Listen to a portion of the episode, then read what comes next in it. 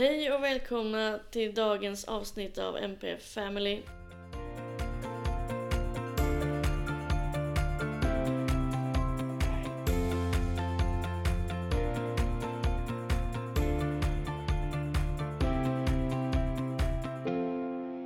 Idag är det avsnitt fem redan och idag är det om hjälpmedel. Ja, tiden går fort när man har roligt. Ja, det kan man verkligen säga. Vad är hjälpmedel för något egentligen? Hjälpmedel, ja, hur kan man enklast förklara det? Ehm, för att underlätta lite extra i vardagen. Mm, verkligen. Vad är det första hjälpmedlet du fick? Det första hjälpmedlet jag fick var tyngdtäcke. Ja, ja. Det har jag aldrig provat.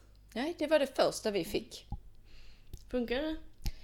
Eh, ja, det funkade. Eh, men sen rörde hon på sig så mycket så att hon eh, sparkade alltid av sig det. Eh, men i början så hade det stor effekt. Och det vet jag nu med ibland, alltså när, när det är lite mer, när hon är sjuk, Mm. när hon har feber. Lite om jag ombonat. Ja, då när hon ligger lite mer stilla så då, då märker jag att då har det ju en ännu större effekt. Så att det är nog vårt första hjälpmedel vi fick. Eh, det och eh, timstock. Mm. Hjälpmedel skulle, eller jag säga, eh, tyngdtäcke skulle vi ha fått. Men eh, Liam sov inte med täcke. Han Nej. sparkade av sig det. Samma som Andrea Så då. jag kände att det var ingen idé att testa det. Mm. Och det skulle vara mot sömnstörning då i så fall. Men eh, vi provade aldrig det. Men det kanske man kan göra någon gång i framtiden. Jag skulle aldrig kunna sova med tyngdtäcke.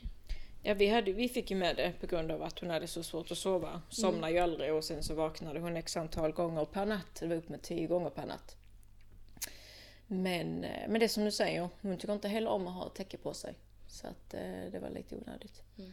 Men eh, vissa perioder så kommer det fram. Vilka var, vilka var ert eh, första hjälpmedel? Ja, det är en bra fråga. Jag tror Ja. att det var bildstöden då. Mm. eh, som jag själv har tagit fram. Eh, och bildstöd har inte hjälpt Liam jättemycket, inte när han var yngre. För han visste inte hur man pekade på det och han tittade bara på bilden men förstod inte vad det var. Det är först nu som han vet vad man ska göra med dem och hur man ska titta på dem. Nu kan han ju faktiskt peka på dem om han tar fram en bildkarta på olika maträtter eller vad han vill ha. Då kan han peka på vad, han vill ha. Så var det inte förut, men de är mer till hjälp nu. Men är det bilder jag från, från datan eller är det realistiska bilder som ni har? Både och. Både och. Mm. På, eh, när det gäller människor så är det bilder på oss. Och eh, platser så är det bilder på platsen liksom. Eh, och sen ja, lite blandat beroende på vad som passar in. Eh, och det funkar bäst när det är realistiskt. Men för de som inte riktigt vet kanske vad, vad bildstöd är, hur ska man förklara på enklaste sätt ett bildstöd? Ja, till exempel ett bildschema vad man ska göra under en dag. Då kan man eh, klistra upp bilder på ett, eh, ett papper, typ. Vad man ska göra. På, på morgonen, äta frukost, åka iväg med bilen, ha en bild på en skola och sen att man ska vara i skolan och sen fritids, sen kommer man hem. Eh, och då har man en bild på en mellis kanske och sen en- på en bild på en padda och sen ska man sova.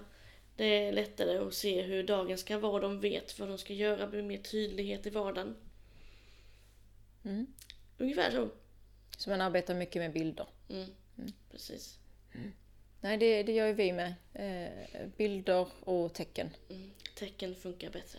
Ja, det, det märker jag. Och sen är det ju, när det gäller mat eh, så är det enklare att ha realistiska bilder likadant eh, på familjen och mormor och morfar och allt det här. Va? Då är det alltid bättre att ha realistiska bilder. Eh, och sen mat. Eh, det är mycket bättre med, med realistiska bilder. Mm. Det, det har jag märkt. Och det, det är ju sånt som man får, som vi i alla fall fick testa oss fram. Ja, vi har också testat jättemycket. För det är ju, det är ju inget man... eh, Det är inget jag visste. Eh, Visst, jag bollade jättemycket med barnhabiliteringen. eh, Vilket som är bättre och, och så här. Men man vet ju inte om man inte har testat. Nej, precis. Och jag tycker det var mycket lättare att göra eget. För då blir det utifrån vår, vår situation, utifrån honom, mer anpassat. Ja, vi, eh, vi fick ju hem bilder ifrån barnhabiliteringen. Eh, men det, det var inte riktigt eh, säga, anpassat efter henne. Mm. Precis som du säger. Det så alla de bilderna vi, eh, vi har här nu, det är som jag har gjort själv. Mycket för att jag känner mitt barn, jag vet ändå lite hur hon funkar, vilket, eh, vilka bilder hon tar mest till sig av och Precis. hur hon tar Det kan ju bli Till lätt sig. för mycket bilder också. Ja, vi- när man börjar. Ja men precis, så vi, vi kan inte ha för mycket på ett, eh, eh, på ett bildschema till exempel. Eh, ibland så får vi ha nu gör vi det här och sen har man då en kolumn till som är rätt så stor där det är alltså efter. Mm. Eh, ibland så får man arbeta med bara två kolumner och när det gäller under dagen så får man ta på morgonen att detta och detta och detta ska du göra innan vi ska gå till taxin. Och likadant efter så eh, att man har dag för dag. Det har ju varit väldigt mycket samma nu i flera år för mig som jag var sjukskriven under graviditeten med Malte och varit mammaledig. Då har det ju varit väldigt mycket samma. Då behövs det inte lika mycket bilder för han vet exakt vad han ska göra när han på morgonen, han vet exakt vad han ska göra på kvällen.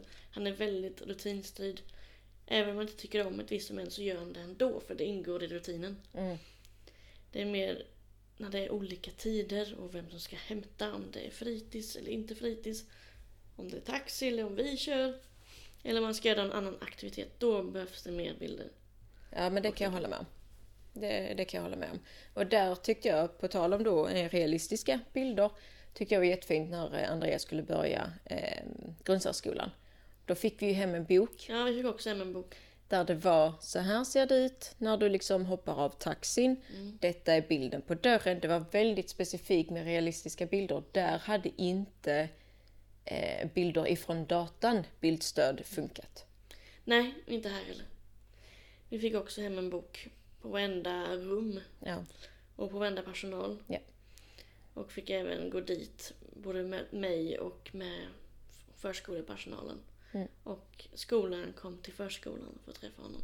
Det här pågick nog under tre, fyra månader. Och det blev jättebra till slut. Ja. Men vad har ni mer för eh, hjälpmedel hemma? Det är den här fantastiska eh, hjälpmedelsvagnen som eh, typ har räddat vårt liv. Vi pratar så gott om den så den ska du faktiskt få prata mer om. ja, ja. Eh, det är en, en barnvagn egentligen som är anpassad efter honom. Efter storlek och bredd och hur han är i kroppen liksom. Som är specialgjord för honom. Och det är en, eh, en vagn som man har lätt och kan dra ner en eh, Sufflett. Sufflett heter det ja. Eh, och det finns både en lucka där med så man kan andas, man kan dra ner den och man kan dra för den så det blir helt svart. Jag kallar det för rullgardin. eh, och den är så bra för han kan dra ner då när han eh, tycker att det blir för mycket. När det är för jobbigt och blir för mycket intryck. Och vi tar med den överallt förutom till farmor och farfar och till mormor och morfar och till eh, hab och till eh, Ja, det är nog de ställena vi inte behöver den. Den behövs verkligen när jag åker hem till andra, till nya ställen, till nya platser, på utflykter och definitivt till sjukvården. Och till eh, tandläkaren. Ja, där känner jag igen oss. Vi har ju med en eh, Stor hjälpmedelsvagn. trygghet. Det är en av eh, den största tryggheten. Eh, Det som du säger när man åker iväg. Kan dra ner om det blir för mycket intryck. Det, det spelar stor roll. Mm. Kan inte gå utan vagnen. Den ska alltid följa med. Många tycker säkert att det är, låter konstigt i andra öron eftersom man tar, sätter på dem bältet och tar ner den och bara stänger in den med det för att det är trygghet och för att den stannar där och för att den inte ska rymma. Och de känner sig trygga där och mår bättre när de får skärma av och vara på en viss plats. Om man åker på en utflykt så har man ingen aning om vad som händer och vad, hur omgivningen är. Då är det skitbra att ha den här vagnen. Jag tror inte jag fått några blickar Nej. från någon. Ja, det enda som eh, Fick vi ett tips av Instagram, eller en på Instagram och eh, för de hade en hjälpmedelsvagn. ja, det enda vi har fått har varit eh, andra barn som har frågat varför, hon, eh, varför hon sitter i vagn. Men sen, sen blir det lite enklare eftersom Andrea har sin kortvuxenhet och hon är kortare än eh, andra barn i hennes ålder. Så det, det är inget som reflekterar över längden på henne och att hon faktiskt sitter i en vagn. Mm. Det är ingen som har... eh, Det är väl mest Leilas kompisar som frågar eh, varför syster sitter i en vagn. Så är det självklart. Och det var så enkelt att få den här vagnen också. Jag bara ringde till habiliteringen och trodde jag skulle hade radat upp all, alla argument som man kunde ha för att man vill ju ha det man begär liksom. Men det räckte att säga att eh, vi vill ha den för att han behöver den och ni har nog sett att han också skulle behöva den och vi fick den veckan efter liksom. Mm. Så där har han sövts, han har gjort undersökningar och han har gjort allt det där. Vilket funkar. Ja, den är fantastisk den vagnen. Så ni där ute som har svårt att åka på utflykter och åka på annat. Fråga HUB eller BUP eh, om en hjälpmedelsvagn för det gör så mycket. Ja, det gör otroligt mycket. Det, det, man tar med sig tryggheten hemifrån med Mm. sig Det är det. på en utflykt. Det gör det lite enklare att testa nya grejer när man har tryggheten med sig.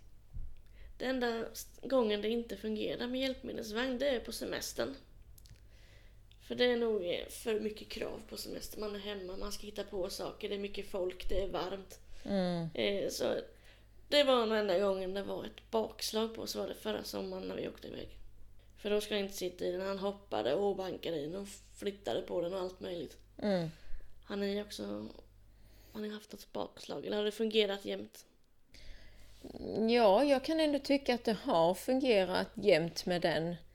Eh, Det kan jag nog tycka. Sen att det, det är som, alltså, som du säger att kan bli lite... Det, det har blivit som en liten eh, slagpåse också i andra sammanhang. Eh, när hon på något sätt har behövt eh, få väck de här känslorna, stressen, så har det kunnat bli att hon har puttat på den eller sparkat till den. Eh, men på något sätt så eh, blir det ju ändå kopplat till hennes trygghet. Mm. Eh, sen vill hon köra den ibland och så, men nej, jag kan... Det är nog mest positivt. Mm. Det mesta är positivt med den vagnen. Så ni har rätt till den. Så bara ring så hoppas jag att ni får den. Ja, de, de hjälpmedlen vi kommer ta upp idag, det är ju det, det man ju berättigad till. Ja, Om behovet finns. Precis. Sen vet jag att det är olika från kommun till kommun och landsting till landsting och Ja. län och län. Men eh, jag tycker alla ska ha rättigheten till att eh, få hjälpmedel. Ja, så det är bara att kolla med barnhabiliteringen Mm, och se vad ni är berättigade till. Så.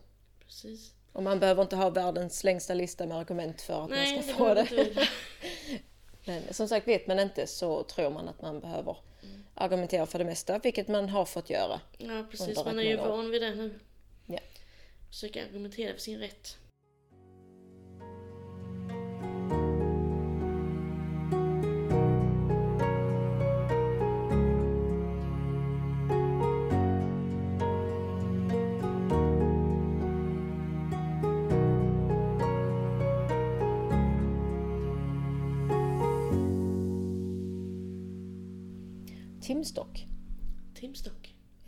Hjälpmedel Mm.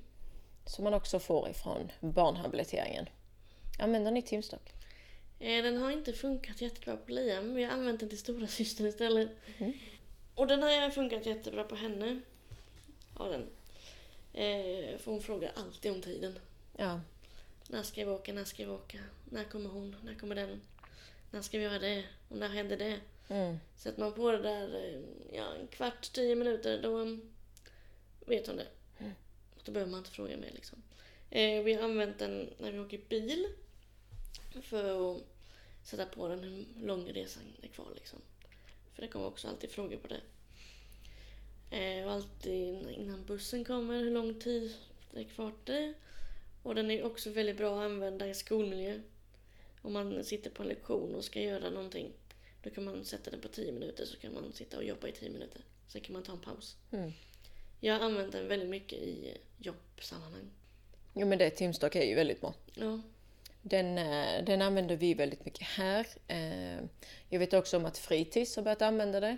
Eh, Och för mig, om jag inte minns helt fel, att dagis också gjorde det. Kommer inte riktigt ihåg. Men det är ju mycket, det är samma här, det är ingen tidsuppfattning. Utan när, ska vi, när ska vi åka till taxin eller ja, allting som har med tid att göra. Eh, så är det jätte, jättebra att använda den. Jag tycker att det har minskat frågorna med att när ska vi åka? Stressen inför att man ska åka. Eller stressen inför att man är framme. Och, eh, så det, det har minimerats väldigt mycket med, eh, med en timstock. Minimera stressen. Det är riktigt bra. Eh, det finns alltså olika nivåer på den. Jag vet att de ser olika ut. Men den vi har är likadan som du har där uppe på hyllan. Ja. Det är ju 5, 10, 15, 20 minuter så man kan välja det. Bara trycka på en knapp så räknar den ner liksom. Ja. Minut för minut. Och det jag kan tycka är bra att ljud, visst det är ett upprepande ljud, men det är inget jättehögt ljud. Ehm, Min dotter som är väldigt ljudkänslig reagerar inte alls på ljudet, att det skulle vara för högt eller för lågt, utan jag tror det kan vara rätt så, rätt så lagom. Eh, Och sen, även om man, man kanske kan sätta, jag måste ju sätta den längre upp så att hon inte får tag på den, för att då börjar hon trycka på den. Och sen att den blinkar. Mm. Så även de som kanske har eh, lite, någon hörselnedsatthet kan också använda den för att den blinkar. Mm. Och det är inget obehagligt ljus utan det är ett vanligt rött ljus. Det är perfekt. Det är också väldigt bra att använda när, för barn för ADHD som har svårt att sitta med en aktivitet länge. Man kan spela spel så kan man sätta en timer på 20 minuter liksom. Då sitter vi där och övar på att sitta med en grej. Och sen eh, när det är slut då kan man vila eller gå över till nästa grej och leka med en grej. För det är oftast vanligt att eh, barn med funktionsvariationer hoppar från grej till grej till grej. Och sitter bara en minut med en grej för att de tröttnar. Det är viktigt att hålla kvar. Eller viktigt att träna på det. Och hålla kvar och hålla ut och öva på att vänta helt enkelt. Ja, det där med att öva på att vänta, det, det är ju eh, hmm, en ständig träning. Men sen tänkte jag just det här på att eh, barn som låser sig i en aktivitet. Att eh, risken är att de sitter för länge för de har ingen tidsuppfattning. Eh, det kan också vara bra att använda timstock. Ja, att verkligen. sätta en, en gräns på eh, att ja, men nu sitter du med paddan i 20 minuter och så piper det så vet de om att nu är det slut. För det är klart, det, det är ju inte det är inte lätt att ha koll på allt annat fast det ska man ha koll, alltså där med tidsuppfattning och, och liknande. Så timstock är bra. Mm. Det är jättebra att ha. Och skolor kan eh, höra av sig till barnhabilitering. De kan prata med sin specialpedagog som kontaktar barnhabiliteringen och eh, få det till sig. Så att det, man kan få det på många sätt. Precis. Recommend, recommend helt enkelt. Absolut, i alla sammanhang. Mm. Eh, och sen har vi ju matsituationer som kan vara väldigt kravfyllt och eh, ångestfyllt för barn med selektiv ätovilja eller barn som inte vill sitta och äta med andra. Då kommer vi till nästa hjälpmedel Ja, och det är en arbetsstol. Eh, en arbetsstol som är anpassad eh, kroppsligt efter ditt barn. Eh, där är skydd under fötterna så att barnen kan sitta eh, som en, som en platt, platta under fötterna. Så att de sitter liksom lite mer i graders vinkel. Eh, där är oftast skydd vid, vid, precis vid knäna, vid utsida lår. Eh, och så följer liksom skyddet in mot låren och så sen så då upp mot, mot ryggen. Där är eh, nackstöd. Där är även stöd för armarna. Så att de sitter väldigt inramade i, eh, i den här stolen. Den är även höj och sänkbar. Eh, och den, den stolen är väldigt bra eh, utifrån många aspekter för att den minimerar barnets stress genom att rama in barnet. Eh, den minimerar all sorters stimuli, den ökar fokus. Eh, så att den, den rekommenderar jag åt, eh, åt barn som har, eh, alltså som, som finner matsituationen väldigt stressande. mm, Och det, men även i andra sammanhang att ha en, eh, en arbetsstol. Så det, det är någonting jag, eh, den, den är jag positiv till. mm. Eh, Liam har inte riktigt accepterat den hemma så man får ta fram den då och då. Han eh, vill ju gärna inte sitta med mat, han vill gärna äta överallt. Och då tänkte jag, om man skaffar en sån här arbetsstol då minskar det risken med att man springer med mat i halva huset och eh, får lättare att sitta med vid bordet. Ja, det vet jag. Alltså det, många gånger så, eh, så blir det ju rätt så mycket, eh, vad ska man säga, trams och flams. Mm. Eh, för att det är så svårt att minimera stimuli, minimera eh, händelsen och alltså att äta blir ju väldigt, eh, vad ska man säga, till, alltså, eh, inte tillgjort men det blir väldigt mycket krav. Just att ja, men nu ska vi sitta här, vi ska sitta tillsammans och Det ska vara trevligt och prata, Man ska ska kallprata. Ja, och... man ska sitta stilla och ska äta Helst med äta kniv och med. gaffel. Alltså det, det blir väldigt mycket krav på en, på en, på en sak som kan vara väldigt kravlös egentligen. Ehm, och det, det märker jag ju på Andrea. Hon, för det som är så till henne att hon får själv välja om hon vill sitta i den här stolen eller om hon vill sitta på en vanlig stol. Eh, många gånger självmant så väljer hon att sitta i sin stol för då sitter hon i sitt hörn vid bordet. Det är väldigt så. Eh, men när hon väl sitter på en vanlig stol så märker hon själv av att hon kasar väldigt mycket sida till sida. Hon tar upp benen, tar ner benen, tar upp benen, tar ner benen. Eh, liksom flänger benen åt ena sidan. Och sen så, det blir väldigt svårt att hålla fokusen på själva maten för då blir det fokus på att faktiskt kunna sitta still. Verkligen. Så eh, nej, det, det är också en sån sak. Prata med barnhabiliteringen. Mm.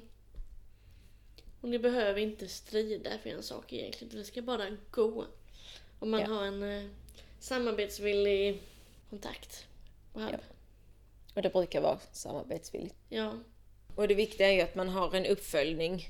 Eh, alltså med arbetsterapeut för efter ett tag så behöver ju stolen, eh, vad ska man säga, ju mer barnet växer desto mer behöver man reglera den. Precis. Men annars så, det, den är jättebra tycker jag. Det håller jag med om.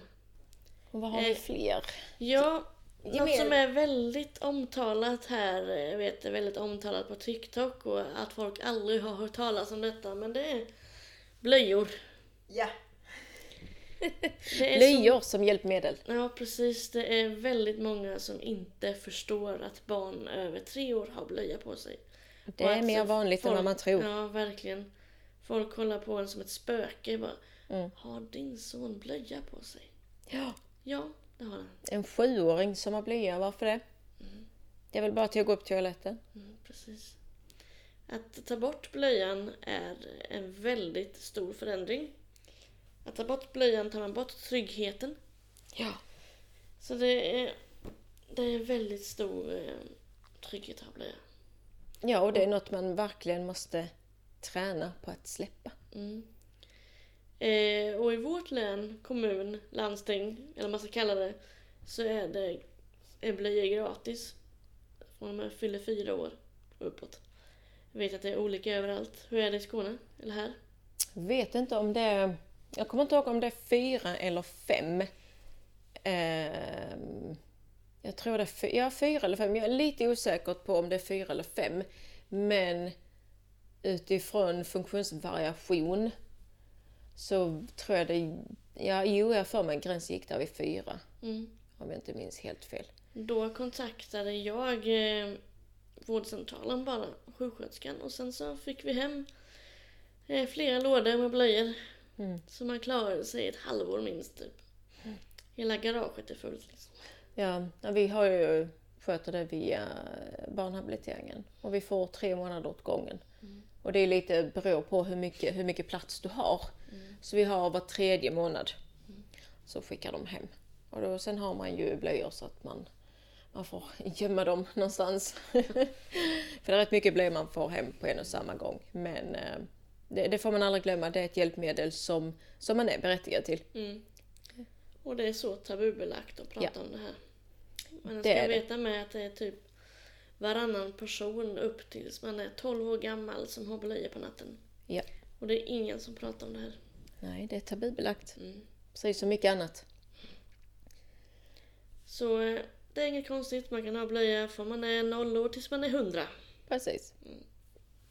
Och det behövs pratas mer om. Ja, För med tanke på hur dyrt blöjor är idag ja det är väldigt dyrt. och har man inte vetskap om att man, att man faktiskt kan få det som hjälpmedel eh, rent ekonomiskt så hjälper det ju många barnfamiljer. Verkligen. Det är en väldigt stor summa. Ja.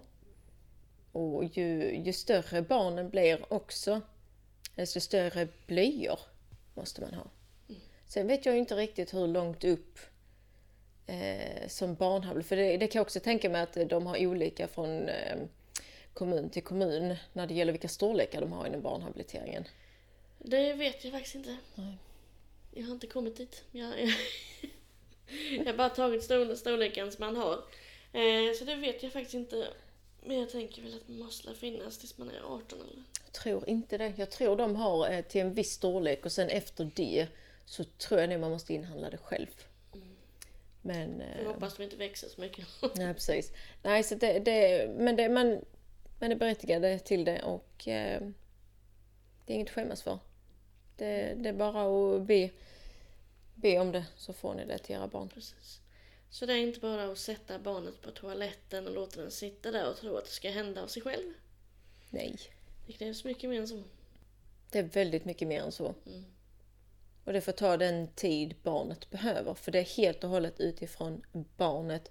När barnet är redo att släppa Så blöjan. är, så är det ju med all utveckling med barn egentligen. Att man ska ju ta det i barnens takt. Ja. Och inte stressa fram något. Nej, för det blir ju inte bra. Och speciellt för, för våra barn, det är ju en trygghet i sig. Det kan jag ju märka eh, när Andrea hon eh, är trött eller om hon har ett försämrat mående. Eh, då vill hon gärna ha blöja. Det är som när hon åker hon med taxin så är det ju då har hon ju det på för att tröttheten tar över. Mm. Ehm, Så att nej, det, det är absolut ingenting som man ska stressa, det är inte tabubelagt. Det är ingenting. Det, det är något som måste normaliseras Mm. Definitivt. och prata om. Så skäms inte. Ta kontakt med HAB eller vårdcentral så löser, de sig. löser det sig. Ja, det gör det. Jag har även hört att eh, en annan eh, kompis som jag känner som har ett barn med funktionsvariationer att eh, när hon försökte få blöjor till honom då sa de att de aldrig hört talas om det. Jaså? Mm. Okej. Då Förnekelse. Jag, precis, då tänker jag att eh, nu är det dags. Ren och Och så skär förnekelse. Mm, verkligen. Ja, nej, det är, det är sorgligt. Mm.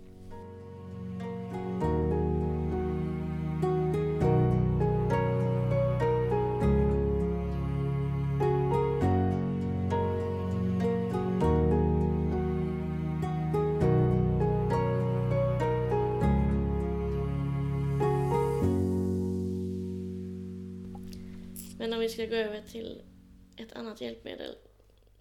TAKK. Vad är det för något? Oh, TAKK, det är mm, stöd. Det är inte teckenspråk. Men det är mm, förenklat teckenspråk. Kan man förklara det på det viset? Ja, jag säger det på det Förenk- viset. ja. Förenklat teckenspråk. Ja. Det är ju, man behöver inte teckna varenda ord. Nej. Men man tecknar en del ord. Ja, jag tänker att mening. man tecknar de orden som förstärker det man ska göra. Typ Mm. vi ska gå ut och gunga nu, då kan man teckna gunga till exempel. Så Mm. mm. förstår de att de ska gunga. Ja, där har jag ju märkt på Andrea att hon, vi tecknar ju, vi tecknar oftast det vi säger till exempel om vi ska gå ut. Då är det att vi, då tecknar jag att vi ska gå ut. Mm. Eller om vi ska äta tillsammans, då tecknar jag ju för att jag har ju märkt att när Andrea är väldigt utmattad, väldigt trött, dränerad, oftast eh, antingen på fredag eftermiddagen eller på lördagen efter liksom en, en hel vecka i skolan. Eh, då märker jag att då tecknar hon. Då pratar hon inte utan då bara tecknar hon. Mm. Eh, och då är det att, Det är ju verkligen ett stöd och ett hjälpmedel då när man gör så. ja, för då är hon så pass trött att hon orkar inte ens verbalt säga vad det är hon vill ha. Eh, eller vad det är, då tecknar hon. Och där har jag märkt att jag kommer ju fortsätta med att teckna allt jag säger. För att där märker jag ju att hennes sätt att kommunicera stärks genom att hon själv kan teckna eh, exakt vad det är hon vill säga. Det är skitbra. Eh, Liam har aldrig tecknat själv, men han förstår tecken. Och så fort man tecknar till honom så får han ett leende upp till öronen. Liksom. Vad är det som gör att han inte tecknar själv? Jag vet inte om man inte kan det eller inte vill det eller förstår inte eller något. Men han förstår när han blir tecknad till. Ja absolut, för om man säger att man eller tecknar att man ska ta på sig skorna, Mm. då går han ju direkt och hämtar skorna. Tecknar jag att vi både ska ta på oss alla kläder, då går han och gör det. Eller gör inte han det, jag gör ju det åt honom, han kan hämta kläderna i alla fall. Eh, och det, när det verkligen behövs teckna så är det vid övergångar eller när vi ska iväg. Om vi ska ut eller åka bil, det är det väldigt viktigt för han krockar ju verkligen där. För han har alltid trott att man ska åka bil. Mm. Men tecknar man att man ska vara i trädgården och leka, då Mm. går det bra. Mm. Och då går han direkt till de sakerna man har tecknat liksom. Okej. Ja, nej tack. Det har verkligen... eh, Det har gett... Symboler är också bra. Har du använt det? Ja, det har vi nog inte använt så jättemycket. Har ni använt det? Ja, i början gjorde vi det. För Det var Mm. det enda som funkade liksom. Skulle vi byta blöja så visade en blöja liksom. Mm. Det gör jag fortfarande ibland. Eh, ska vi duscha så visar jag en handduk. Mm. Ska vi äta så visar jag maträtten. Sådana saker. Och eh, tecknar samtidigt. Ja, det, det enklaste har ju varit teckna och bildstöd. Fast tecken är ju nog det som har varit eh, prioriterande. Just för att jag började använda det väldigt, väldigt tidigt. Förstod Andrea det direkt? Ja. Mm. Eh, och det, det sa ju logopeden också, eh, även eh, skolan och bara, alltså, eh, specialpedagogen, att hon är ju väldigt, eh, tar till sig alla tecken. Vi, jag hade ju med henne när jag läste tackutbildning. Mm. Och eh, då märkte specialpedagogen, men också psykologen, att hon, hon tar ju verkligen det till sig. Mm. Eh, och det gör hon. Och alltid gjort. Eh, och det, det är jätteroligt att se att hon kan, även om hon inte riktigt har det verbala språket med sig, att hon kan göra sig förstådd genom tack. Och jag ska faktiskt börja en ny utbildning nu i mitten, ja nej, slutet av februari. Eh, en eh, utbildning i Kristianstad eh, som förälder till barn som har IF och kommunikation. Så spännande. Det ska bli jätteintressant att gå den. För jag har ingen aning vad det är som, vad jag kan förvänta mig. Men det jag vet är att man ska filma eh, kommunikationen hemma utifrån de uppgifter man får. Vad spännande. Det ska bli jättespännande. Det ska bli jätteintressant att se, inte bara hur, hur hon kommunicerar, men hur jag egentligen kommunicerar. Mm. När jag kanske tror att jag kommunicerar på bästa sätt, men det kanske jag egentligen inte gör. Mm. Så att det, det kommer att bli... eh, Reflektera över sig själv. Ja, det kommer att bli utvecklande för mig också. Eh, Så det, jag ser fram emot det. Det kommer bli jätteroligt. Förstår Så det är ännu ett sätt att kommunicera. Mm. Då ska jag med leta efter en sån. Ja. Jo, Jag det är, får lära mig sen. det är via barnhabiliteringen. Logopeden eh, rekommenderade det till mig. Så hör med logopeden eller något sånt. Barnhab. Absolut. Det får ni med göra som lyssnar. Det finns otroligt mycket utbildningar att gå. Mm. Vi har gått det. en eh, tre dagars autismutbildning vet jag, Ja. med eh, HUB. Vi satt i en aula med typ eh, sju andra föräldrar. Mm. Det var en anhöriga som var med. Det var väldigt, eh, även om man hade koll så har, finns ju alltid något nytt man lär sig liksom. Ja, och sen finns det ju på barnhabiliteringens hemsida. Mm. finns ju eh, gratisutbildningar som man kan gå. Den ena är ju det är väldigt intressant att se för det, jag tror det är en läkare som pratar mycket om det, hur det fungerar i hjärnan. Det är häftigt. Det är jätteintressant just att lära sig alltså utifrån vilken del av hjärnan där den eh, kognitiva avvikelsen faktiskt sitter. Eh, Det är jätteintressant, så det rekommenderar jag också att gå in och eh, kolla på barnen. Sen vet jag inte hur det är från kommun till kommun eh, såklart, men det ska ligga där. Jag gick en föräldrautbildning i TKK via Zoom online. Jag trodde bara att nej, det känns ju konstigt Ja, att lära sig tecken med andra föräldrar via Zoom. mm. Men det var asbra tycker jag. ja. Man kunde sitta där i, med sig själv hemma liksom. och samtidigt prata och interagera med dem. För jag tror det hade varit stelare om man varit på plats och bara sitter i ett klassrum typ och tecknar med varandra. ja jag gjorde ju det. Vi, vi hade jätteroligt, men visst nu blev vi ju så tajta i den gruppen. Eh, det kändes som att vi, vi hade suttit där alltså flera veckor. Hur Men- ofta var den utbildningen? Det var en gång i veckan. Jag vet också en gång i veckan. Och så var det, jag kommer inte ihåg hur många veckor det var, det var, men det var hela våren tror jag. Från och till, var rätt många gånger som man gick. Ehm, nej, det var, det var jätteroligt. Det var det verkligen. Det var spännande. Mm. Men det, sen tycker jag, jag, jag tycker mer om att arbeta på plats Mm. och ha människan så här framför mig och interagera på det viset. Men absolut Zoom eh, och online eh, det, det är ett bra verktyg det också. Mm. Absolut. Har vi några fler hjälpmedel som vi inte har tagit upp? Ja, det var ett hjälpmedel som du skulle få till din dotter och det var Just cykeln. ja, det är tal om en cykel. Hon är så glad. vi har ju pratat lite om den här cykeln. Hon är så glad att hon ska få den här. eh, Och även erbjuder de cykelskola till sommaren. På barnhabiliteringen. Det har jag aldrig hört innan. Inte jag heller. Eh, Det är något nytt. Eh, Jag visste inte heller att man kunde få till sig en cykel. Visst, då får man väl betala en engångssumma då på eh, 500 kronor tror jag det var. Eh, Och så då får man den här anpassade cykeln och den är helt anpassad ute efterfrån hennes längder och så. Men just det här med cykelskola, jag tyckte det var jättehäftigt. Går de då en vecka och, och det är inte bara det här att man, att man lär sig att cykla. Man lär sig att interagera när man cyklar. Hur man för sig när man är ute och cyklar. Och, ja, de lär sig hur mycket som helst. Det låter jättekul alltså. Ja, Andrea hon, är ju, hon älskar ju att cykla. Eh, men har liksom inte... Det, det är svårt att hitta en cykel som är anpassad till henne. Mm. Eh, så att, och då sa ju barnhabiliteringen att eftersom det, det är lite det här med hennes finmotorik och, och sådana grejer så eh, erbjöd de en cykel. Det är nästa hjälpmedel jag kommer att fråga Hab. Ja. Det är en cykel. Ja, och det är ju alltså... Och, sen, det, jag tycker det är jättebra att... För då blir det ju en sån cykel med två hjul bak och ett fram. Eh, och det, det ökar ju hennes självständighet. Ja, verkligen. Och självförtroende. Att kunna cykla själv. Ingen håller i en stång där bak. Hon har inga ehm, stödhjul som skramlar och ser lite annorlunda ut. Utan det är, en, det är en hel cykel och hon kan ta sig fram och tillbaka. Det, det snackar om att öka alltså, i utveckling. Ja, verkligen. Så det, det kommer hon att tycka om. En Och det- inkludering. Ja, och det sa ju eh, barnhabiliteringen också att det, det ökar ju oftast barnets självförtroende och eh, gemenskap. Att de kan få med, vara med och cykla allihopa. Vilken möjlighet egentligen alltså. Ja.